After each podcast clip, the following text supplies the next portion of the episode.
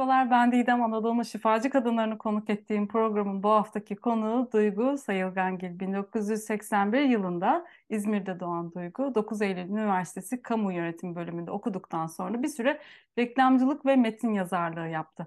Ardından bankacılık sektöründe 12 yıl çalıştıktan sonra istifa etti ve yoga ile tanıştıktan sonra şamanizmi öğrenmeye başladı.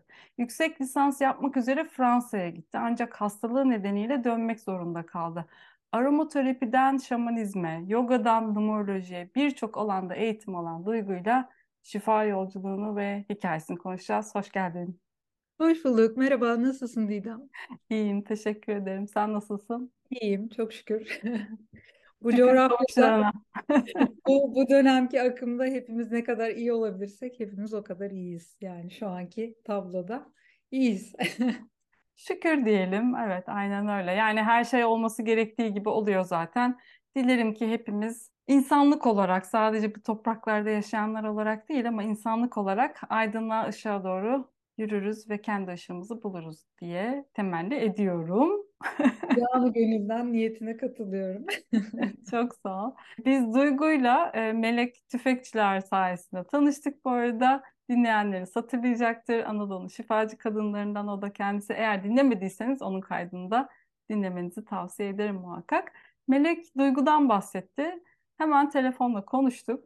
Ancak benim arada şapşallıklarım vesilesiyle şapşallıklarım yüzünden diyeyim. ben bayağı bildiğiniz hayatımda ilk defa böyle bir şey yaşıyorum. Normalde çok planlı, programlı ve dakik bir insanımdır ve özellikle bu dakiklik konusunda takıntılı bir insanımdır. Ama ve lakin gelin görün ki başıma geldi ve ben buluşmamızı unuttum. Velhasıl... Ama ajandanı kaybettin, telefonu değişti, bunları da. Arada başka şeyler var. Hani unutmadın aslında da yazdığın yerler yani, bir... bir sürü şeyler oldu diyelim. Velhasıl bugüne kısmetmiş. O da sağ olsun anlayışla karşıladı, karşıladı her defasında. O yüzden sana ayrıca teşekkür ediyorum. Olanda Çok... vardır. evet aynen öyle. Arada böyle şeyler olabiliyor işte. O, orada da işte demek ki ben şöyleyim ben böyleyim dememek gerekiyormuş. Ben kendime aldığım dersler böyle oldu. Duygu'nun çok güçlü bir hikayesi var. Her ne kadar o bu taraflarıyla ilgili çok fazla konuşmak istemese de ama ve lakin ilham olacağı düşüncesiyle çünkü o hikayelerden işte ilham olacak hikayelere dönüştürebiliyor insan. Zaten aslında bu programı da o yüzden yapıyoruz. O yüzden konuşuyoruz. O yüzden hikayelerimizi paylaşıyoruz. Yoksa bir drama, yoksa o hikayeleri devam ettirmek değil aslında. Bu hikayeleri hepimizin dönüştürebilme kapasitesi var ve işte o insanlardan biri de Duygu. Ve hikayeyi Didem sana bırakıyorum. Öncelikle bu alan için çok teşekkür ediyorum ve tabii adı gibi melek yani melek tüfekçiler benim fotoğraflarımı çeken, sosyal medyamı bir şekle şemale sokan, videolarımızı çeken, yaptığım çalışmaların görsel hafızasını oluşturan kişi Melek. Biz de Melek'le başka bir kampta tanıştık ve değişik bir şey. Kimsenin alanında, kimsenin alanına normalde bir müdahalede bulunmam ama Melek'le yollarımız kesişti ve elimi kalbine koydum, elini kalbime koydum. Öyle tanıştık ve bir yolculuğa çıktık. Biz aslında o gün bir yolculuğa çıktık. E, şamanik rehber diyorum ben kendime çünkü aslında sıfatlardan azade bir duygudan bahsedeceğiz bugün. Senin de sorduğun o. Bir şamanı şaman yapan şey aslında yaraları ve yaralı şifacı tanımını ben şamanda çok seviyorum. O yüzden Melek'le de o yaraları görerek tanıştık. Ben normalde aileden fotoğrafçı, bir profesyonel fotoğrafçı, sanatçı bir dayının yeğeni olarak yetiştim. Profesyonel olarak da fotoğraf da çektim. Yıllarca ona asistanlık da yaptım. Hiç kameranın diğer tarafında olmamıştım birinin beni izlemesi, gözlemesi, yakalaması benim için çok değerli. Meleğe o yüzden ayrıca biraz uzun oldu. Affınıza sığınıyorum. Teşekkür ediyorum. Çünkü poz verebildiğim nadir insanlardan ve herhalde en uzun süreli poz verdiğim insan. Çünkü bir şey yaparken bendeki duyguyu yakalayan insan ve seninle İzmir'de olup bir türlü bir araya gelemedik. Melek sağ olsun bizi bir şekilde bir araya getirdi. Ona çok teşekkür ediyorum. İzmir doğumluyum. Aile kökenim aslında Rumelili. Arnavut bir ailem var. Babaannem Mısırlı. Ailemin geri kalanı farklı topraklardan geliyor Rumeli'den ama Arnavut kökenliler. Buraya geldiklerinde hiç dil konuşmamışlar. Kendi dillerini unutup burada Türkiye Türkçesi, işte biz Türk'üz, Müslümanız bir adaptasyon yaşamışlar ama eminim ki bambaşka şeyler yaşadılar. Olumsuzlukları hiç konuşmamışlar. Çok ciddi yaralar var. Savaştan kaçarak gelmişler. Bir tomar şey. Hepimizin yaraları var aslında. Ve bir takım yetenekleri var her iki tarafında. Anne tarafında sezgiler mesela çok güçlü. Baba tarafında babamın babası çok hacı ve çok Kur'an okuyan, naif, yetenekli de bir adam. Yani yapmadığı iş kalmamış. Memuriyetten emekli ama sorun çözen, dert dinleyen, hastalıkları tedavi eden, sadece okuyarak, karşılığında da hiçbir şey almadan çalışan biri. Onu çok kısa tanıyabildim. 7 yaşında kaybettim. Çok derin bir bağ kuramadık ama Şimdi rüyalardan da konuşacağız. Ben dedemle rüyalarım vasıtasıyla anladım ki yıllar sonra bir bağ kuruyorum aslında. Diğer taraftan anne tarafı dişi ağacı biraz daha bu konuda hakim, el almış durumda. O duru görü, duru işti, o sezgilerin geldiği yerinde artık anlıyorum ki yeri orası. Her iki tarafa da çok ciddi bir saygım var. Her ailede iyi ve kötü yaşanan birçok şey vardır. Ben hepsine şükrediyorum. İyi ki bunlar olmuş ki ben bugünkü duygu olabilmişim. Benim hayatımda kırılma noktalarını sordu Didem bu röportajı yapmadan önce. Bunlardan bahsedersen sevinirim demişti. Orta halli bir aileye İzmir'de doğmuş bir çocuk olarak İlkokulu normal devlet okulunda okudum ama benim hayatımı değiştiren şey Fransızca dil öğrenmeyi seçmek oldu. İlkokulda da İngilizce öğrenmeye başlamıştım. Ben İngilizceyi bir türlü sevemedim. Sonradan öğrendim bu arada. Ve Fransızca'ya mailim oldu. Özel okullar sınavına Joseph'te girince Tevfik Fikret'i seçtim. Orada okumak istemedim. Orada gördüğüm birkaç tablodan sonra. Çok enteresandır. Her ikisini de kazandığım halde Tevfik Fikret'te okudum. 7 sene hazırlık, ortaokul, lise. Benim en büyük kırılma noktam bir kültür öğrenmek, bir yaşam stili öğrenmek. Sadece Avrupa kültürünü değil, onların bize nasıl baktığını, buradaki kaynaşmayı öğrenmek. Çünkü İzmir biraz da İstanbul'un küçük kozmopoliti gibi. Museviler, Hristiyanlar, Rum asıllı vatandaşlar, Ermeniler, bize her şey var. Her türlü bayram da kutlanıyor. Benim çocukluğum bu renklerle geçti. Ama tabii ki ülke değişik bir ekonomik süreçten, politik süreçlerden de geçti. İşte önce 96 krizini yaşadık, sonra 98. Üniversiteye geçeceğim sene 2000'de sıkışık bir döneme girdik. 2001'de de tatsız şeyler yaşadık. Yani ben kendi evimde hacizler, iflaslar vesaireler yaşayınca üniversite birinci sınıftan sonra çalışmaya başladım. Ve gene Tevfik Fikret'ten bir arkadaşımın kurduğu eşiyle kurmuş olduğu bir reklam ajansında, yazılım şirketinde hem elle tutulmayan bir ürün olan yazılım satmaya başladım. B2B'ler, bu internet sitesi alışverişleri 2000'lerde düşünün 20 yıl öncesi. E, çok naif büyümüş, çok etik, dürüst, ahlaklı yetiştirilmiş bir aileden sahaya çıkan bir duygu düşünün. Aynı zamanda da üniversitede öğrenci. Büyükelçi olmak gibi bir hayalim var. Bu nedenle de kamu yönetimi okuyorum. Ama dışarıda da yazılım satıyorum ve çat kapı bir yere gidiyorum. E, bu bana çok büyük bir cesaret ve özgüven getirdi. Çünkü hayatım bana evde öğretildiği gibi naif ve dürüst olmadığını, insanların çok kolay yalan söylediğini, hele ticaret yaparken çok değişik yerlere gelindiğini öğretti. Bu da bankacılığımda sonra çok işime yaradı. İnsan okumak anlamında. Ve metin yazarlığı yaptım. Öğrendim daha doğrusu onların yanında. İki sene böyle çalıştım. Ondan sonra da Fransız Kültür Merkezi'nde kütüphanede stajyer olarak son sınıfta da böyle bir iş hayatım oldu. Çünkü 3. sınıftan 4. sınıfa geçtiğim sene yaşadığım bunca sorun, ailemin içindeki dağılmalar, anne tarafından dedemin rahatsızlanması, anneannemin rahatsızlanması, onlar birbirlerine çok aşık bir çifti. Üç ay arayla kaybettik ben üniversiteyi bitirdiğim sene. Bunlar tabii ki çok etkiledi ve ben çok ağır bir hastalık geçirdim. Ne yaşadım derseniz peritonit diye bir şey yaşadım. Anlamı iç organ zarı iltihabı. Bu bir ameliyat geçirirsiniz, yaşarsınız. İşte ateşli silah, kesici silah yaralanması yaşarsınız olur. Yani içinizde bir yer kesilir, iltihaplanır ve işte enfeksiyon yapar vücutta. Ben bunu çok geç fark etmişim ama böyle bir şey de yaşamadım. Bir yerden bir mikrop alıyorum ve içte bir enfeksiyon başlıyor. İç organlarım birbirine yapışmaya başlamış midem. Midem ve bağırsağım çalışmamaya başladı. Ama hiçbir belirtisi yok. Ağrı dışında, ateş yok. Başka bir şey yok. Çok ciddi mide ve bağırsak problemleri nedeniyle doktora gittim. Dedim ki benim çok ağrım var. Bunları yaşıyorum. Öğrendim ki o ağrı aslında morfin düzeyinde bir ağrı.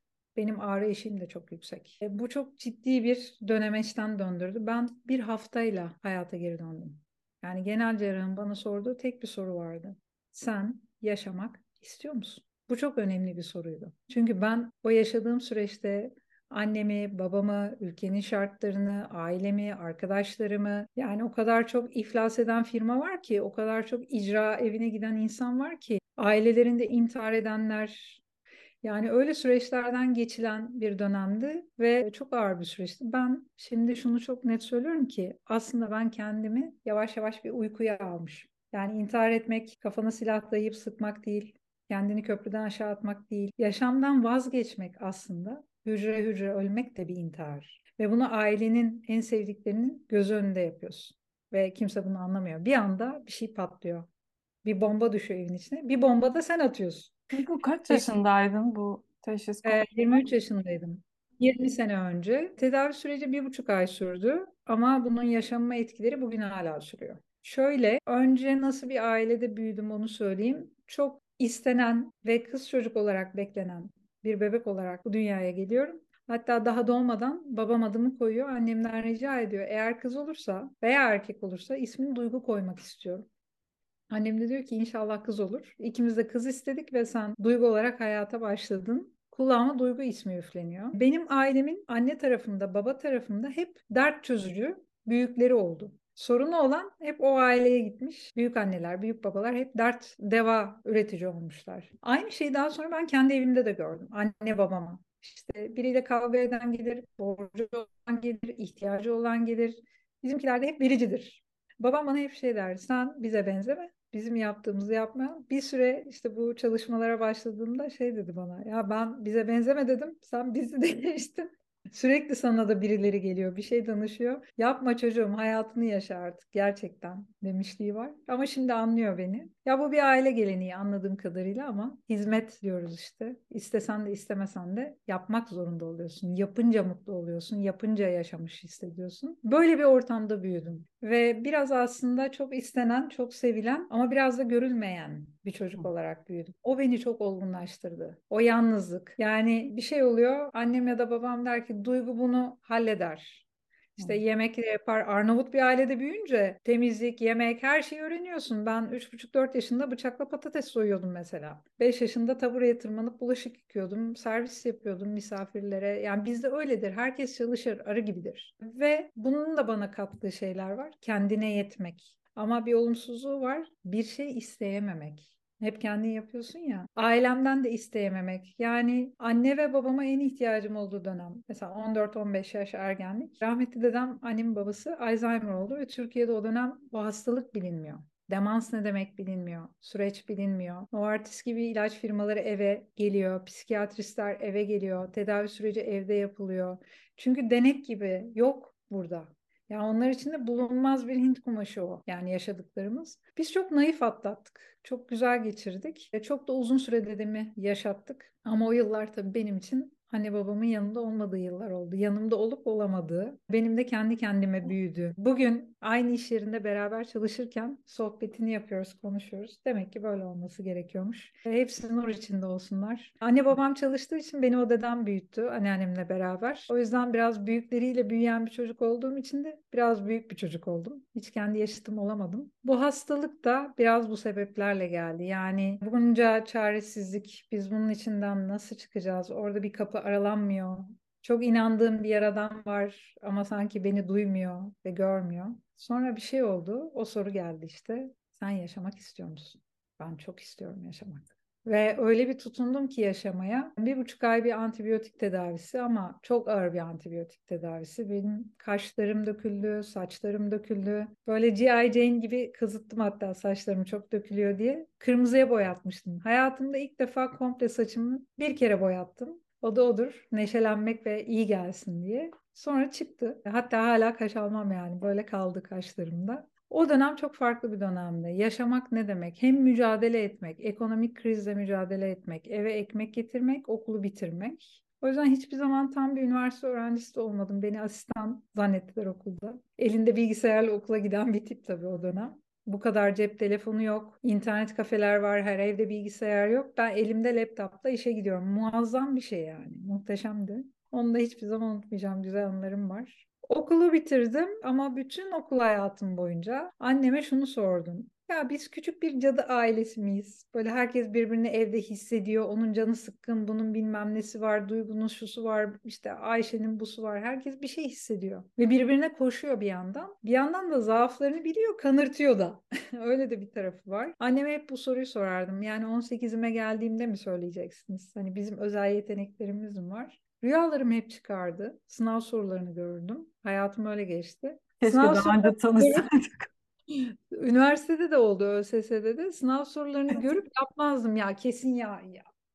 Yanlış bu yani kendime inanmazdım gördüğüme. Hatta ÖSS'de erkek arkadaşım bir devre üstümdü benim. O üniversiteye başlamıştı. Beraber çalışıyorduk. Matematik, fizik falan çalıştırıyordu bana. Bunu çalıştık, yaptın değil mi? Bak o soru çıkmış ve rüyamda görmüştüm o sorunun da çıktığını rakamların. Sanırım ben işlem hatası yaptım, yapamadım falan demiştim. Gerçekten de öyle oldu yani. Peki korkuyor muydun? Evet, Bazen yani- korkudan da insan kapatabiliyor o taraflarını ya. Senin nasıldı? Hastalanana kadar kapatmadım. Çünkü hasta olana kadar bir para kazanma, yaşamı idame etme, ailemden bağımsız bir yaşam kurmaya cesaret etme vizyonum yoktu. Çünkü mutlu, güzel yani dert çözen ama de hep bir sorunun konuşulmasına rağmen tatlı mutlu kendime göre güzel bir ailem vardı. Yani büyüklerimizle beraber büyüdüğümüz için güzel bir çocukluk geçirdim. Sokakta oynadım, arkadaşlarım vesaire. Be- benim yaptıklarım başkalarını korkuttu hep. Didem. İşte birinin başı ağrır, elimi koyarım, başının ağrısı geçer.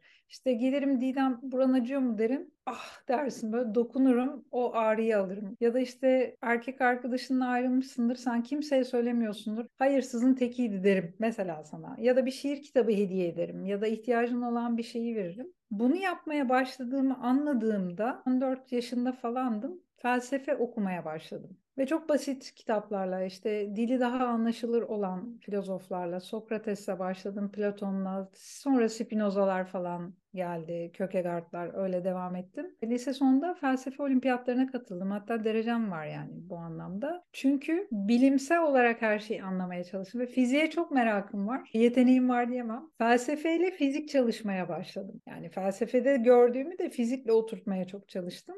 O zaman böyle bir spiritüalizm yok, kitaplar çok az. Herkes sadece Reiki'yi biliyor. 98 yılında lise 2'deyken Reiki ile tanıştım. 2003'te de Reiki Master oldum ama hiç kullanmadım.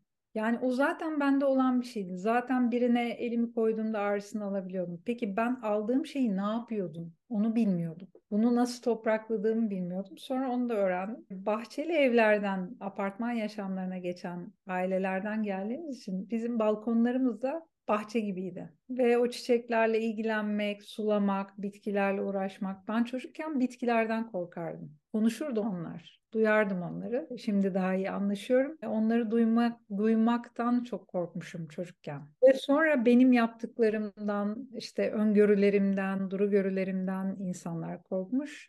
Arkadaşlıklarım güçlendikçe onlara ne yaptığımı anlamaya başlayıp bu sefer susmaya başladım. Çocukken çalışma masamın üzerine böyle çarşaf örter, çadır gibi içine girer. Orada bir tefekküre dalardım. Hayaller kurardım. Düş demiyorum bakın, hayal diyorum yani. Hayal ve düş çünkü çok başka şeyler. Canımı sıkan ne varsa o andan kendimi dışarıda bir zaman dilimine atardım. Sonra bunları düşe çevirmeyi yani düşlediğim şeyin gerçek olmasını. Bu evi düşledim ve şu an böyle bir evdeyim. Mesela bir araba düşledim ve ona sahip oldum gibi. Bunlar oluyor mu? Evet oluyor niyetiniz gerçekse, kalbense oluyor. Sonra işte insanları korkutmadan çalışmayı öğrenmeye başladım. Ama tam 10 sene bu hastalıkla başlayan süreçte bütün bu duyularımı kapadım. Şunu yaşadım. Lenf drenaj, safra kesesi ve karaciğer tarzı problemler çıkmaya başladı. Gördüğüm tedaviden sonra. E, tabii ki geç gitmemin doktora, teşhisi geç almamın da sıkıntıları var. Kesinlikle doktor hatası değil. Bu benimle ilgili bir süreçti. Dişimi sıkmakla ilgili bir şeydi. Giderim, yaparım, iyileşirim gibi. Lenf drenaj çok önemli bir şey vücutta. Tiroidimde nodüller var. Göğsümde kitleler var. Memede kistlerim var. İşte ne bileyim yumurtalıkta kistlerim oluyordu. Şimdi olmuyor. Olanları sabit tutmaya çalışıyoruz tıbbi tedaviyle. İlaç kullanıyor musun? Hayır kullanmıyorum. Ama rutin kontrollerimi aksatmıyorum. Gıda takviyelerimi, vitaminlerimi alıyorum. Çünkü benim artık yediğim içtiğim bazı şeyler vücudumda emilmiyor. Mide bağırsak sistemim yeni doğmuş, iyi beslenmiş, sağlıklı yaşamış bir insan gibi çalışmıyor. Bunları bilerek yaşıyorum. Çalışabilir Yani bana göre çok iyi bir performans sergiliyorum. Hiçbir ilaç kullanmadan yaşamak muazzam bir şey. Tek problem insanlar diyorlar ki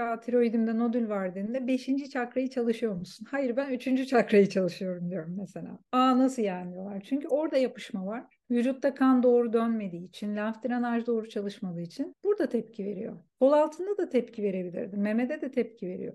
Bunları bilmek lazım. Ve bu süreçte hastalık bana şunu öğretti. Kendi farkındalığını. Ben kendimi tanırsam o zaman başkalarını anlayabilirim. O yüzden o insanları korkutmayabilirim. Ve bankacılık yapmaya başladım daha sonra. Şöyle anlatayım. Hastalandım, yurt dışına master'a başvurdum. En büyük hayalim Paris'te okumaktı. Ben hep Frankofon tarafım oraya gitmek istedi ve orada okuyup buraya geri dönmek istedim. Yani İzmir'e geri dönmek istedim. Yani Galatasaray Üniversitesi'ni kazanmış olmama rağmen gitmedim mesela. Hiç de pişman değilim. Paris'te dört üniversiteden kabul aldım ki çok zordur. Türkleri de normalde çok almak istemedikleri bir dönemdi e, siyasi sebeplerden.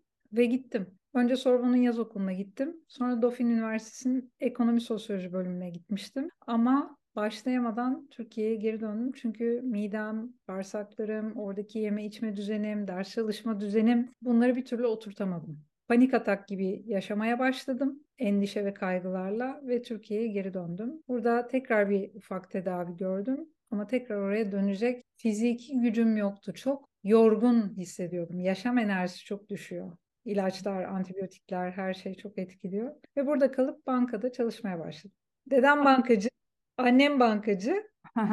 Babam Mali İşler Müdürlüğü yaptı yıllarca. Yani böyle ekonominin çok olduğu, çok konuşulduğu, banka ve finans sektörünün içinden gelen bir ailenin dışına çıkmadım aslında aile kültürü olarak. Yaklaşık 12 sene çalışmışsın. Evet evet. Sonra ne oldu da hani istifa etmeye karar verdin, ayrılmaya karar verdin ve o çalışma hayatı süresince böyle şifa işleriyle uğraşmaya başlamış mıydın yoksa istifa ettikten sonra mı oldu? Uğraşmaya başlamıştım. 2003'te bir kapanma yaşadım hastalıkla beraber işte dediğim gibi 10 yıla yakın yani 2012-2013'e kadar kendi içimde bir durdum. Ben şubede başladım. Uzman yardımcısı ya da müfettiş olarak da başlayabilirdim. Ben zaman kaybetmemek adına sınav sonucu beklemek vesaire bir an önce çalışmam gerektiği için, iş hayatına girmem gerektiği için ekonomik sebeplerle gişe etkilisi olarak bankaya girdim. 13-14 ay gişe yetkilisi olarak iyi bir şubede, birinci sınıf bir şubede başladım. Ara bir kadro açıldı.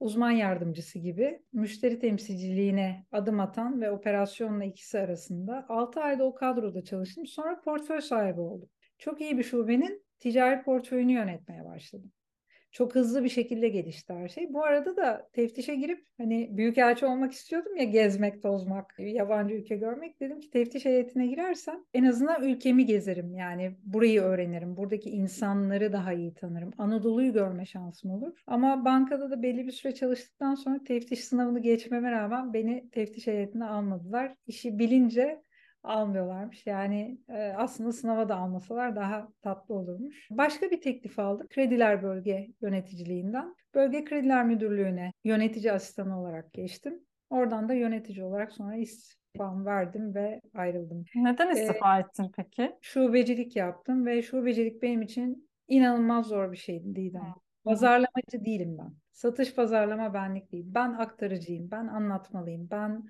aldığım bilgiyi paylaşmalıyım. Krediler daha istatistiki bir birim, daha matematik, daha izole. Bir fan ustasın. Bir dönem 12 kişi, bir dönem 8 kişi. Açık bir ofiste ama kapalı bir ortamda. 9-6 mesaili adı üstünde ama 8-8.30'larda başlayıp akşam 8.30-9'larda biten eve varışın 10 olduğu mesaili bir sistemde 12,5 sene çalıştım. 13 yıla yakın aslında. Ekip çok güzel, arkadaşlık çok güzel. Bir yere kadar idare ediyorsun. Evlenmeye kalksan çocuğunla ilgilenemiyorsun, eşinle ilgilenemiyorsun. Mesela bankacı bir erkek arkadaşım vardı. Eve gidiyor, duşunu alıyor, tıraş oluyor. Beni yemeğe götürmek için Kapıya geliyor ve kapıda hala beni bekliyor. Biz bir türlü çıkamıyoruz. Ama bankacılık dışarıdan göründüğü gibi 5'te size kapı kapanınca işlemin bittiği bir yer değil maalesef. Benim doğama çok aykırı bir yermiş. Ama şu var, insan tanımamı, duygu okumamı, insan okumayı bana öğretti bankacılık. Stresi anlamamı, yani stresle yaşamayı istemediğim bir yerde empat birinin, duygu okuyan birinin sana yalan söylenilen bir ortamda yüzüne bakılır işte aa harika ne güzel işler yapıyorsun denilip arkada işte müdürün odasında senin kötülendiğin bir ortamda bunu hissettiğin bir ortamda durduğum bir yer orası. Çok enteresan bir yer. Çünkü hedef baskısı gelmeye başladı. Başta böyle değildi ben bankaya girdiğimde hayat.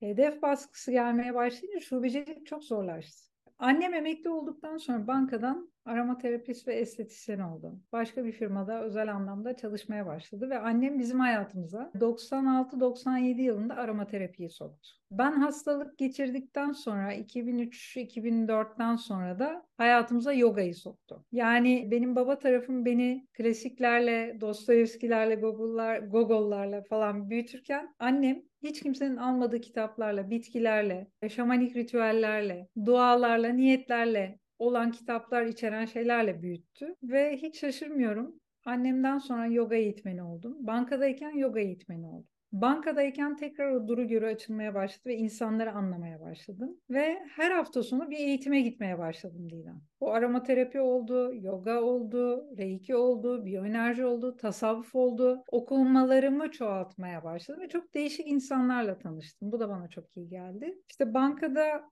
Sorun şu, bankacılar sadece bankacılık yapmayı bildiklerini sanıyorlar. Halbuki hayata hazır hissetmiyorlar kendilerini. Çıktıklarında yapabilecekleri çok şey var. Bu hafta sonları eğitimleri, ailemin içinde yaşadığım deneyimler bizi Homemade aromaterapi firmasıyla tanıştırdı. Sevgili Aslı Bilgin'le tanıştık. Ve benim ailem bir karar verdi. İzmir'de bir dükkan açmaya. Ve gidip el sıkıştık İstanbul'da. Bu firmanın Türkiye'deki kendisinin işletmediği tek dükkan İzmir Alsancak'ta ailem tarafından işletiliyor şu anda. Üç buçuk sene ben ayak diredim. Dükkan yürür yürümez nasıl olacak diye. Ve sonunda istifa ettim. Çünkü hem yoga eğitmenlik kısmı besleyecek bir yer. Daha özgürce ders verebilecektim. Kamplar yapabilecektim. Hem de bildiğim aromaterapiyi anlatabilecektim. 25 senedir aromaterapi hayatımda ve Aslı ile tanışmış olmak da benim bütün hayatımı yeniden gözden geçirmeme ve spiritüel alanda daha derinleşmeme vesile oldu. Şamanizmle ee, nasıl tanıştın peki? Gene kitaplarla şamanizmle tanıştım. Hı. Türk şamanizmle tanıştım ve o bana biraz sert geldi. Yani oradaki dinamikler daha farklı. Güney Amerika'ya yöneldim. Ve bir yazarla tanıştım. Sonra onun seanslar verdiğini, bireysel çalışmalar ve toplu çalışmalar yaptığını öğrendim. Önce ona gittim. Ondan kısa bir eğitim aldım. Daha sonra da o beni ustasına yönlendirdi. Uzun bir eğitim aldım. Hatta onlardan bir tanesiyle sen de çalışıyorsun. Ondan sonra yabancılarla tanışmaya başladım. Pandemi patlamadan önce Avustralyalı bir şamanla tanıştım. Perulu bir şamanla çalıştım. Bugün şu an gene Türk bir şamanla çalışıyorum. Perulu Apaz ailesinden eğitim alan, bunu Türkçeleştirerek bize veren, ara ara benim de onların online eğitimlerine girdiğim eğitim aldığım bir yer hala devam ediyor. Kakao girdi hayatıma. Kakaoist olmak istemedim. Ben bütün bu yolculuklar içinde, şamanik yolculukların içinde, aromaterapi, yoga, şamanizm bir bütün olarak harmanladığım bir yerdeyim. O yüzden isim vermiyorum. Çünkü şu nedenle isim vermiyorum. Bana geldiklerinde, sayfama geldiklerinde ya da benimle birebir çalıştıklarını öğreniyorlar. Bana iyi gelen sana iyi gelmeyebiliyor. Çok tavsiye ettiğim, çok canı gönülden ya ben bunu yaptım, bana şöyle oldu dediğim ya da sen görüyorsun ya Duygu hayatın ne kadar değişti işte şu kişiyle çalıştığında ben de ona gitmek istiyorum diyorsun ve gidiyorsun. Ondan sonra ters köşe geliyor insanlar. Yüzleşmeler ağır geliyor. O acının içinde kalmak belki ağır geliyor. Ve diyorlar ki o kişi bu işi yapamıyor. Belki benim için de söylüyorlardı şu anda bilmiyorum. Tek bir yol yok. Yol çok, menzil tek. Tek bir hedefe doğru gidiyoruz ama farklı yollardan. O yüzden çok isim önermiyorum. Çok isim de yok zaten. Doğru düzgün çalışan bir avuç insan var bu coğrafyada. Baktığınızda çok isim var. Ayahuascalar, kakaolar vesaire. Ben insanlara şunu söylüyorum. Bana isim sormayın. İsimler zaten ortada. Bakın onlarla çalışan insanların hayatlarındaki değişime dönüşüme bakın. Ve onlara giden insanlar nasıl insanlar onlara bakın. Bana bakın. Ben ölümden döndüm. Kazalarda atlattım, boğulmalar geçirdim, trafik kazası geçirdim vesaire. Hayatta kaldım. Yani bir uzvumu da kaybedebilirdim. Ama yaşıyorsun. Kalple zihni ayrıştırmayı öğrenin diyorum ben bütün öğrencilerime. Biz hep buradayız. Batılı zihin buradayız. Ben biraz burada kalmayı tercih ediyorum. Kalbinizden geçen kimse yolunuz onunladır. Ona gidin diyorum. Bu tasavvuf da olabilir. Ben İbnül Arabi çok severim ve çok okurum hala daha. E, şamanik rehberlerim de var. E, şamanlarım da var. Bir tane de değil çalıştığım bugün yerli ve yabancı insanlar var. Rehberlik ettiğim insanlar da var. O yüzden kalplerine sorsunlar diyorum. Bütün bu şamanik çalışmaların ve diğer yaptığın çalışmaların içerisinde, şifa çalışmaların içerisinde aslında hiç görmediğin ya da hep bir şekilde üstünü kapattığın gölge taraflarına karşılaştın mı? Karşılaştıysan hani nelerde onlar, onların içinden nasıl geçtin? O gölgelerin, o karanlıkların içinden nasıl geçtin? Bir kere kendi gölgesinden geçmeyen hiç kimse içindeki gerçek şefkati bulamaz. Gerçek şefkatiyle tanışmayan hiç kimse de şifacılık yapamaz.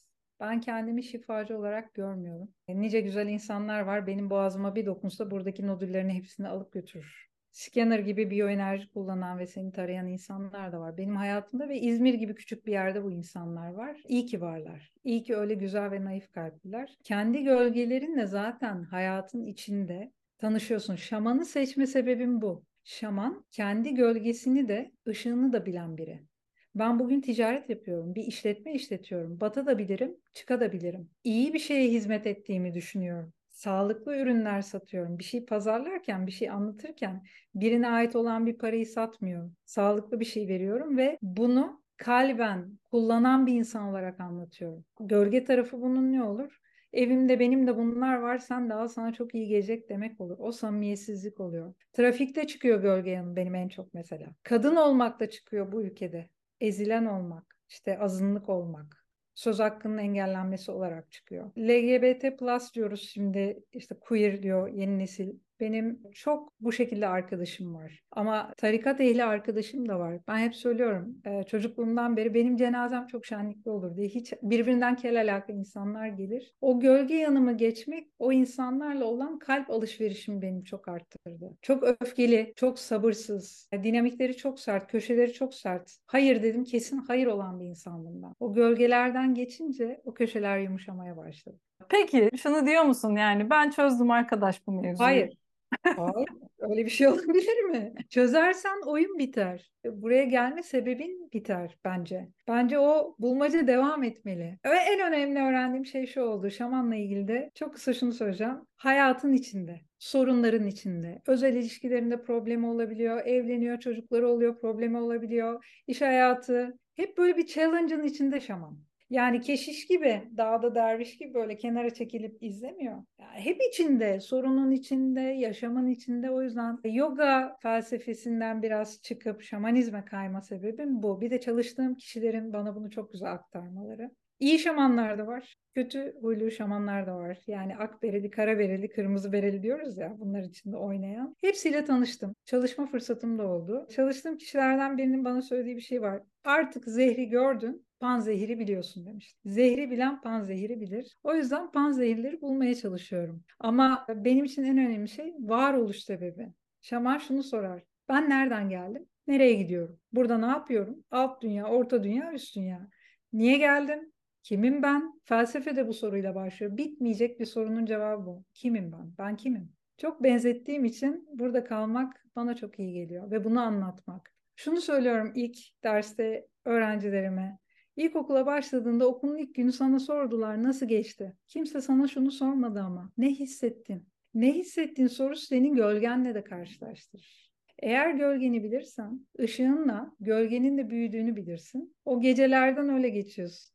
Annemin bir sözü var. Çok ağrı çektiğim geceler oldu benim. Ağrı kesicilerin kaç dakikada vücuduma etki ettiğini öğrendiğim geceler. Hani bunu alırsam 10 dakika, bunu alırsam 20 dakika. Şunu öğrendim. Arı kuşu gibi ben debeleniyorum, debeleniyorum ama sabit kalıyorum. Ama dünya dönüyor Didem ve gece gündüze dönüyor.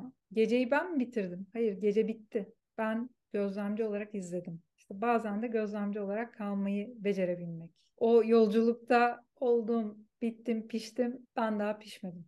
Olma yolunda, inşallah olma yolundayımdır. Yoldayım, onu biliyorum. Ve tanıştığım herkesten bir şey öğreniyorum. İşte demin bir şey söyledin ya konuşmanın başında ben böyle bir şey yaptım. O da anlayış gösterdi. Ben içimde yükseldim ama dedim ki bir dakika burada bir şey oluyor. Bunu anlamam lazım. Neden bu böyle oluyor? Tabii ki anlayış göstereceğim. Çünkü ben burada Didem'le olmak istiyor muyum? İstiyorum. Bunu yapmak istiyor muyuz? İstiyoruz tabii ki. O sabır öyle geldi. Yoksa ben çok sabırsız biriydim. Ben de en büyük sabırsızlıkta oldu diyebilirim.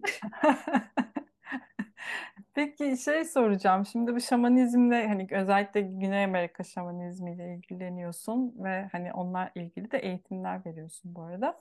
Biraz böyle çalışmalarından da bahsetmek istiyorum ben. Neler yapıyorsun? Ee, hepsini harmanladığın bir şey midir bu? Yoksa e, işte bireysel seanslar veriyor musun? Online çalışmalar yapıyor musun? Falan onlardan biraz bahseder misin? Yapıyorum. İnka, şema, İnka şamanizmi çalışıyorum. Önce onu söyleyeyim. İnkalardan gelen ritüelleri uyguluyorum. Ama onların şöyle bir yaklaşımı var. Bizim topraklarımızda evet bu var ama Anadolu coğrafyası çok şaman yetiştiren, bilge yetiştiren, nene hatunları, koca karıları çok olan, işte şifacı kadınları çok olan bir yer. Bizden alama. Kendi topraklarının ilmini de bil. O yüzden tasavvufla çok ilgilendim bu topraklarda ne oldu diye. Onlardan aldığım bir Munaiki eğitimi veriyorum. Sevgi eğitimi. O yüzden soruyorum ne hissettin? Sevgiyi konuşmak için. Kalbi açarak başlıyoruz. Tasavvuf da öyle başlar. Aslında İslamiyet de öyle başlar. Hristiyanlık da öyle başlar. Tek tanrı dinler, Musevilik de öyle. Hep kalbi açarak başlıyoruz. Bütün eğitimlerde. Kalpten çalışmayı öğreniyoruz. Zihni devre dışı bırakıp doğru departman olarak kalbe inerek ben ne hissettim? Bu bana iyi geldi mi? Bu bana nasıl hissettir diye başlıyoruz. Bireysel seanslar veriyorum. Tabii ki seanslarda da aromaterapiden, bitkilerden, bir şey içiriyor musun diye çok soruyorlar bana. Hiçbir şey içirmiyorum. Arkamda gördüğünüz şurada Peru'dan gelen kolonyalar var bu tarafında. Onları kullanıyoruz. Florida Water denilen. Aynı zamanda buhurdan da uçucu yağlarım var. Onlar da bu tarafta. Uçucu yağları kullanıyorum. Kişiye özel seansın sonunda bazen karışımlar gelebiliyor. Seans da o yolculukla geliyor. Her seans bir yolculuk. Ben seans vermeden önce bir gece önce rüyaya yatıyorum. Ee, dedim ya bilgileri rüyada alıyorum. Rüya benim için öngörü aracı ve artık çok, çok otomatiğe bağladı, çok kolaylaşmaya başladı. Bazen de gözü açık rüya görürüz. Bununla da ilgili şamanik rüya atölyesi diye bir atölyem var. Rüya tabirleri atölyesi değil bu. Bir şaman için rüya ne demek? Bunu anlatıyorum orada. Şaman için rüya çünkü alemden aleme yaptığı yolculuklar ve burada edindiği bilgiye de rüya deniyor. Lucid rüyayı da anlatıyorum. Halüsinasyon ve Karabasan'ın ne olduğunu da konuşuyoruz ki Karabasan'da biraz ağır enerjiler de var. Ağır enerjilerden de konuşup çalışıyoruz. Benim bir uzmanlık alanım daha var. Burası işte biraz ürkütücü gelebiliyor. Vefat eden kişilerin, vefat edenlerin yakınlarıyla eğer bir talep gelirse Arafta kalan ruhlara telkin verdiğimiz bir çalışma var. Veya buradan Araf'ta kalmamış artık gitmesi gereken yere gitmiş ama burada hala iletmesi gereken bir mesaj olduğunu düşünüyor bazen vefat edenin yakınları. İşte onun rüyalarına, o kişilere bir takım dokunuşlar geliyor. Onların anlayamadığı. O kişilerle çalışıp orada almaları gereken mesaj neyse ona ulaşmalarını sağlamak için aracılık ediyorum. İşte ölüyle konuşmak oluyor bu da. Bu yaz tutuculuk değil, yaz süreci eşlikçiliği değil. Benim yaptığım şey bu değil. Kısa anlık e, çalışmalar. Korkmuyor Kısaca çalışmalar. Başta çok korktum. Bu son 3 yıldır hayatımda e, uzun süredir de ya, yaklaşık 4,5-5 senedir de çok e, güvendiğim psikolog ve psikiyatrist arkadaşlarım var. E, kendi grubumla evet ustalarımla eğitim aldığım kişilerle dertleşiyorum, seans alıyorum verdiğim kadar biz de çalışıyoruz kendimize. Ama aynı zamanda bu olayın bilimsel tarafıyla da burada eğer bir şeyi farklı algılıyor muyum diye de birlikte çalıştığım, çok güvendiğim hekim, doktor ve psikolog, psikoterapist çok düzgün, çok gerçekten 20 küsur yılını bu işe emek olarak vermiş insanlarla da bazen vaka paylaşıyoruz. Onlar da bazen çok şizofreniyle, delilikle dahiliyi ayırmak gibi hani şamanizmle şizofreni bir, bir ses duydum, bir görüntü gördüm. Yani şizofren de olabilir karşındaki kişi. Çok riskli bir alan burası. O yüzden çok doğru ayırt etmek lazım. Orada buraya çok dikkat etmek lazım. O yüzden ben ilimle bilimi hep bir arada tutmaya çalışıyorum. Çok güzel. Ee, burada güzel bir şey söyledin. Hani biz de çalışmaya devam ediyoruz kendimizde diye. Benim e, terapistim bana şöyle bir şey söylemişti. Ben biraz bir dönem gerçekten e, çok yoğun ve sadece seans yaptığım bir dönem hiç nefes alacak vaktim yok ve tükendiğim bir dönemdi. Bana şey demişti Didem Hanım şifacının da mutlaka kendisine şifayı düzenli olarak yapması lazım. Hani ben terapist olarak da işte 20 küsür senedir terapiye gidiyorum. Ya da işte sizin de aynı şekilde hani terapi süreci zaten devam ediyor ama kendisiyle ilgili çalışmaya devam etmesi lazım. Bu ömür boyu sürecek bir iş demişti. Yani buradan hani şifacı oldum artık hayatım güllük gülistanlık eller havaya gibi bir durum yok. Şifacı da kendiyle sürekli çalışmak Yani durumunda. bilimsel olarak baktığımızda da o zaman Freud'un Jung'a rüyalarını anlatmıyor olması lazımdı. Ve bu işte etik bir taraf da var. Biz Jung'a soru soruyorlar. Ee, Freud'un size anlattığı en mahrem rüya neydi vesaire. Asla cevap vermiyor. Onlar bende diyor. Yani burada çok etik bir taraf var. Şimdi karı koca danışanım olabiliyor. Eşler danışanım olabiliyor. Anne baba danışanım olabiliyor. Kardeşler olabiliyor. Ya da çok yakın arkadaşlar olabiliyor. Burası şöyle bir yer. Çok sessiz, çok sakin ve biz seansları unutuyoruz zaten. Yani e, terapi süreci gibi kademeli seanslar olduğu için eğer kanser gibi ağır bir hastalık çalışmıyorsak o dataları siliyoruz. Ne geldi yolculukta, ne geçti, ne çıkardık, ne yaptık. Oraları silmem lazım ki ben de hayatıma devam edeyim. Herkesin hayat hikayesini üzerine alıp taşırsam ben çökerim. Ara ara arkadaşlarımla şimdi konuşuyoruz. Bana bir bakar mısın? Ben de bir şey görüyor musun? Ben şöyle bir şey hissediyorum. Sen bunu görüyor musun? Bunu çalışalım mı? Dediğim yerler oluyor. Güzel güzel geçiriyoruz o dönemleri. Bazen rüyalar çok oluyor. Bazen işte o rüyalarda o vefat haberleri geliyor ve bakıyorum sabah gazetede gerçekten o kişi vefat etmiş mesela. Ölü ziyaret olabiliyor işte tatsız kısmı bu beni de korkutan. Kafayı mı yiyorum dediğim bir dönem oldu. Sonra işte çok sevdiğim iki tane psikoterapist arkadaşım var. Onlar da dediler ki bu bilinç dışının konusu anlattığın, anlatma şeklin ve senin yaşam şekline baktığımız zaman böyle bir şey yok. Yani sen bunu gönder gitsin. Ertesi gün aynı şeyi görüyor musun? Görmüyorum. Demek ki bitiyor. Yani bir yolculuk işte bu depremden sonra da yaşadık bunu. Çok fazla vefat var. Çok fazla arada kalan, buradan gitmek istemeyen ruh var. Kadın çarelerinde de onu konuştuk hep. Anneler çocuklarını bırakıp gidemediler burada. Yani çocuk hayatta anne vefat etmiş. Gerçekten gitmesi gereken yere ruh bir türlü tekamül edemiyor mesela. Bu topraklarda şimdi bunu da yaşadık. Böyle şeyler de oldu. Alıştım ama artık her şey sükun halinde. Yiyorum, içiyorum, uyuyorum, hayatıma devam edebiliyorum. ama öğrenme sürecinde başta çok zordu. Ve bunlar Didem hep e, bu yolda olan kişiye hani Allah dağına göre kar verir derler ya kademe kademe geliyor. Ama öyle bir yerden geliyor ki tam iş hayatının en yoğun olduğu. Aralık ayı mesela, yılbaşı sezonu. o tür dönemlerde çok zorlandım.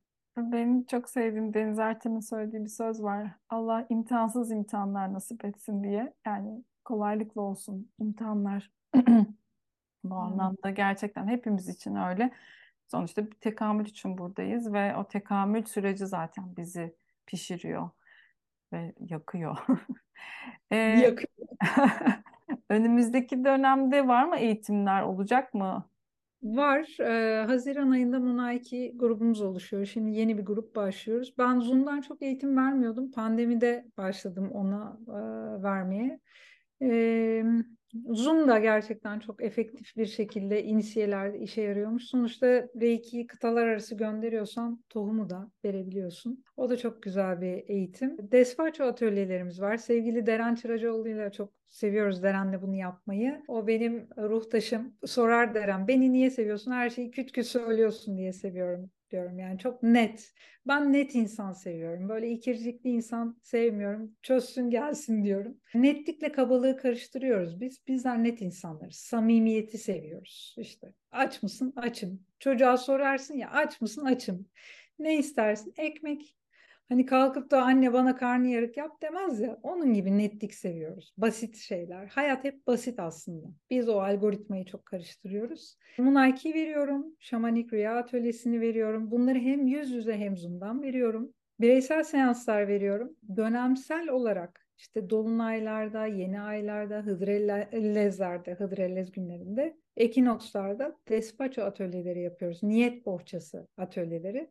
Despacho kelime anlamıyla geri vermek demek. Doğa ana bize veriyor ya biz de ona şükrümüzü geri veriyoruz. Şükranlarımızı sunuyoruz. Ve Homemade Aromaterapinin bünyesinde de yüz yüze doğal parfüm atölyesi veriyorum. Bir uzmanlık alanında kokular çok seviyorum. E, sentetik kimyasal olmayan parfümler üretiyoruz atölyemizde uçucu aromaterapik yağlarla ve çakralar ve aromaterapi eğitim veriyorum. O da gene Homemade Aromaterapi'nin kendi sitesinde Zoom üzerinden. Ben de bayağı veriyormuşum. Aa, bir de numeroloji var tabii. Maşallah. Ee, pandemide de numerolojiyle tanıştık. Çok sevdiğim matematik öğretmeni e, bir müşterimiz vardı. Ben de onun öğrencisine oldum ondan sonra. Özbilen adı da oradan geldi. Şimdi onu soracaktım. Özbilen nedir, nereden geliyor diye. Çok utanarak aldım ve yani böyle iki gün üzerine elimi yüzümü kapatarak düşündüm. Hala bak anlatırken de yüzüm kızarıyor. Harf eksiklerini tamamlamak için bana iki tane isim önerdi. Özbilge ya da Özbilen. Ben de rüyaya yattığımda Özbilen geldi. Özünü bilen. Artık o kadar biriktirmişsin ki evladım dedi. Anlatman lazım. Ben o zaman eğitim vermeye bu kadar başlamamıştım. Yüz yüze çalışmalar yapıyordum ama Zoom açmamıştım. Eğitim vermen lazım. Bizim gibi insanların birikimlerini biraz da sağaltması, damıtması lazım demişti. Bu aç bu suyun kapağını bu baraj biraz boşalsın, biraz aksın. Sana ihtiyacı olan insanlar var demişti. Ben çok utanmıştım bunu duyduğumda. Sonra Didem başıma şöyle bir şey geldi. Sevgili Aslı ile biz canlı yayınlar açtık Aslı Bilgin'le Homemade Aromaterapi'de çakralar üzerine. Bir sene sonra Urla'dan bir hanımefendi geldi. Hiç tanımadığım, asla yüz yüze gelmediğim bir kanser tedavisi görüyormuş. O yaptığımız canlı yayınlardan çok etkilenmiş ve iyileşme sürecinde biz ona çok iyi gelmişiz. Siz hep anlatın. Dokunma sadece fiziken olmaz. Siz kalbime dokundunuz. Lütfen anlatmaya devam edin. Ben de sizi takip etmeye devam edeyim dedi. Bir daha gene yüz yüze gelmedik. Ama takipleşiyoruz. Artık o kim biliyorum. Ve ağzından çıkan en küçük bir sözün neye mal olduğunu da biliyorum. Bu çok büyük bir sorumluluk. Hani bu işi herkes yapmak istiyor ama korkutan bir tarafı var. Korkmuyor muyum? Ben hala bu yolda korkuyorum. Hala bazı ustalar, eğitmenler karşıma çıktığında durup düşünüyorum, bakıyorum. Ben nereden geldim? Nereye gidiyorum? Gerçekten ne yapmak istiyorum? Ve bunun sorumluluğunu alabilecek miyim diye bakıyorum. Hı hı. Ee, ben ilk ustama giderken, ilk yola çıkarken çok ağlamıştım. O zaman bir erkek arkadaşım vardı. Ee, gözyaşlarımı silip bana şey demişti. Niye ağlıyorsun? Bu çok büyük bir sorumluluk alıp alamayacağımı bilmiyorum demiştim. Onun üzerine o kadar yani o aslında temelmiş biliyor musun Didem? Benim ağladığım, korktuğum şey temelmiş. Yani attığım tuğlaymış. Onun üzerine ne katlar çıkıldı, ne binanın içleri döşendi. O da bana şunu öğretmişti. Gülmek öğrenilir ama ağlamak değil. Sen bu gözyaşıyla zaten bu yola çıktın. Yoldasın sen demişti. Çıkmışım meğer. Yolda kalmaya çok şükür. Yolda Çok şükür. kalmaya, ne diyeyim. Ve yolda böyle güzel insanlar çıkarıyor işte karşımıza. İnşallah hepimizin karşısına çıkarsın. Yol demişken yolda olanlara ne söylemek istersin? Kalplerini dinlemeyi öğrensinler. Çünkü yolda kaybolmak da var. Yolu kaybetmek de var. Biz fiziki yolu kaybettiğimizde yön bulmak için ne yapıyoruz? İşte kuzey yıldızına bakıyoruz. İşte ağaçların köklerindeki yosunlara bakıyoruz. Kuzeyi güneyi ayrıştırmaya çalışıyoruz. Kendi kıblelerini, kendi yönlerini tayin etmekten asla korkmasınlar. Kaybolmaktan da korkmasınlar. Benim ilk aldığım eğitim belirsiz üzerineydi. Bir yere gidiyorum eğitime. Saat kaçta eğitim başlayacak belli değil. Bir tek otel belli. O çalışmanın nerede yapılacağı belli değil. Kaç kişiyle yapılacağı belli değil. Kaç saat süreceği belli değil. Hele batı toplumu için bizim gibi bankacı 9-6 mesaiyle işte bu saatte yemek yersin. Çok zor bir terbiyeydi o. Belirsize alışmak çok zor. Bu ülkede de şu an bunu yaşıyoruz. Ne olacak kaygısı. İşte bunu bilmek belirsizle yaşamayı öğretiyor yolda olana. O belirsizlikten korkmasınlar. O da onlara o stresi yönetmeyi, fizik olarak da kendilerine iyi gelmeyi, sağlığı korumanın en önemli şeylerinden biri stres yönetimi şu anda. Virüsler falan değil yani bağışıklık sistemin güçlüyse o sana işlemiyor ama biri benim yanında hapşırsa ben hasta oluyordum gerçekten. 10 yıl önce böyleydim. Çok korkuyordum her şeyden. Biri onu yapar hasta olurum böyle olur raporlar alıyorum hastanelik oluyorum. Çok şükür şu an öyle bir şey yaşamıyorum. Çok şükür, çok şükür. O stresi yönetmeyi öğrensinler sadece yolda ve yolda kalsınlar. Yolda olmak çok güzel bir şey, hareketli olmak. İnşallah, inşallah. Çok teşekkür ediyorum. Eklemek istediğin başka bir şey var mı? Ben çok teşekkür ediyorum. Ben hala kendi yolumu buluyorum. Ara ara patikalar çıkıyor, girip çıkıyorum.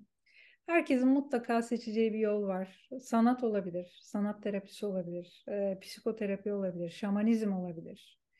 Biyoenerji olabilir, nöroplastisite olabilir. Ben şu an bununla ilgili çok okuyorum mesela. Nöroplastisite, beyindeki nöronların, sinapslerin o etkileşimleri üzerine e, yaklaşık 7-8 senedir okuyorum ve çalışıyorum ve muazzam algım genişliyor bununla ilgili olarak. Bunlarla ilgili tek bir yol her zaman işimize yaramayabilir. Ben yola aromaterapiyle çıktım. Karşıma yoga geldi.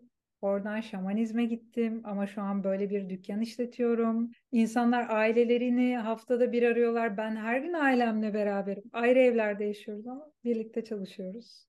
Kolay bir şey değil anne babayla e, personel, işte müdür, yönetici ya da patron ilişkisi yönetmek. O yüzden onlara tek tavsiyem yol tek değil. Yol uyumla da ilgili bir şey. Bugün otobandan yürürsün, yarın patikaya çıkmak istersin. Yol seni oraya götürür. Çekinmesinler. Sadece yolda olmaya devam etsinler. Tek bir, bir yere biat etmesinler. Benim öğrencilerime de, bana gelen, danışanlarıma da. Bana biat etmeyin. Karşı çıkın, karşı bir fikirle gelin. Oturalım bunu konuşalım. Açık bir fikirle konuşalım. Son söz şunu söylemek istiyorum. Kadim ilimlerde, bilimde değil, bilim her zaman sorgulanır. Ve tezler antitezleriyle çürütmek için gelişir, çürütürsün, gelişir, çürütürsün, gelişir. Ama kadim ilimler uyarlanır. Yani 10 bin yıl önceki şamanizmi bugün öyle kullanmıyoruz. Bugünün coğrafyasına, bugünün zaman dilimine uyarlıyoruz. Kadim ilimlerde neden ve nasıl sorgulamadan yapıyoruz. İşte burayı devre dışı bırakmak, o sorgulamama kısmı çok zor geliyor başta. Ama bir şey oluyor onu yaptıklarında. O şey olunca onu anlıyorlar. Sadece buna sebat etsinler. O şey olacak. Bugün değilse yarın olacak. İnşallah hepimize nasip olsun diliyorum ki. Çok teşekkür ederim sana vakitini ayırdın. Geldin buraya konuk oldun. Deneyimini, hikayeni paylaştın ki çok kıymetliydi gerçekten de. Çok sağ ol. Dilerim dinleyenlere, izleyenlere de ilham olmuştur. İnşallah. Bana bu alanı verdiğin için. Sen de çok uzun süredir yollardasın. Yorgunsun. Buna rağmen bu alan için sana çok teşekkür ediyorum. Evet. İyi ki yollarımız kesişti. evet iyi ki. Görüşürüz. İnşallah yüz yüze de görüşürüz. Çok sağ olasın. Çok teşekkür ediyorum. Ve sizlere de çok teşekkür ediyorum. Dilerim sizin için de güzel bir sohbet olmuştur. Şifalı bir sohbet olmuştur. Gerçekten hepimizin o içindeki şamanı, o içindeki şifacıyı görmesini diliyorum ki dışarıda artık aramayalım bir şey. Hepimizin içinde o rehber, o şifacı var. Niyet edelim ve bulalım dilerim ki ve onunla yürümeye devam edelim. Tabii ki de destek alacağız. Tabii ki de bir sürü şey öğreneceğiz ama asıl rehberlik kalbin rehberliği. Dilerim hepimize nasip olur. Programla ilgili içerik söylemek istiyorum. Sen böyle öyle güzel bir şey söyledin ki konuşmanın başını hatırlatmak istiyorum doktorun bana sorduğu soruyu. Sen yaşamak istiyor musun? İyi bir hekim, iyi bir tedavi, iyi bir hastane. Siz istemiyorsanız hiçbir şey olmaz. İyi bir rehber, iyi bir usta, iyi bir eğitmen. Siz o yolda yürümek istemiyorsanız hiçbir şey olmaz. Çok güzel hatırlattın. Çok teşekkür ederim. Çok güzel kapanış oldu. Ben de teşekkür ederim. Gerçekten Duygu'nun dediği gibi aynen öyle. Önce biz isteyeceğiz. Önce biz niyet edeceğiz. Ve programla ilgili içerik önerileri olur, konuk önerisi olur. Hiç fark etmez. Dilediğiniz gibi görüşlerinizi lütfen paylaşın. Böyle birbirimizden haberimiz olsun, birbirimizi duyalım, birbirimizi dinleyelim ki burası daha da zenginleşsin, daha da büyüsün umarım ki. Bir sonraki programda görüşmek üzere. Kendinize iyi bakın. Hoşçakalın.